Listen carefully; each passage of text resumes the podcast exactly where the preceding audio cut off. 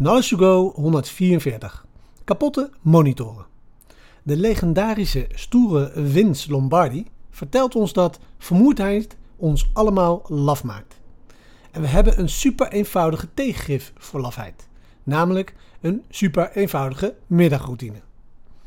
Af en toe train ik in een rustig tempo en dan vertelt mijn Garmin horloge mij dat mijn hartslag veel hoger dan normaal is of dan mogelijk is.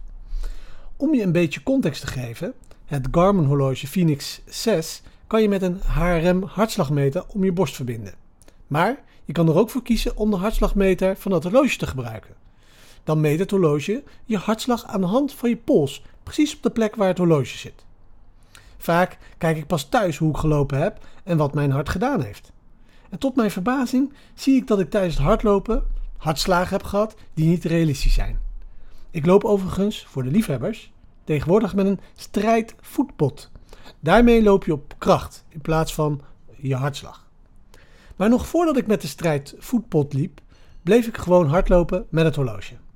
Ik negeerde op een gegeven moment de hartgegevens. En dat was het moment waarop het metaforische leermoment me trof. De gegevens van de hartslagmeter waren om wat voor reden dan ook letterlijk nutteloos voor mij tijdens de training. Dus ik bleef het negeren. En raad eens, ken je dat stemmetje in je hoofd dat opduikt als je moe bent? Je weet wel, de stem die zegt: Het leven is zwaar, wat heb ik het niet moeilijk? Zal ik maar stoppen?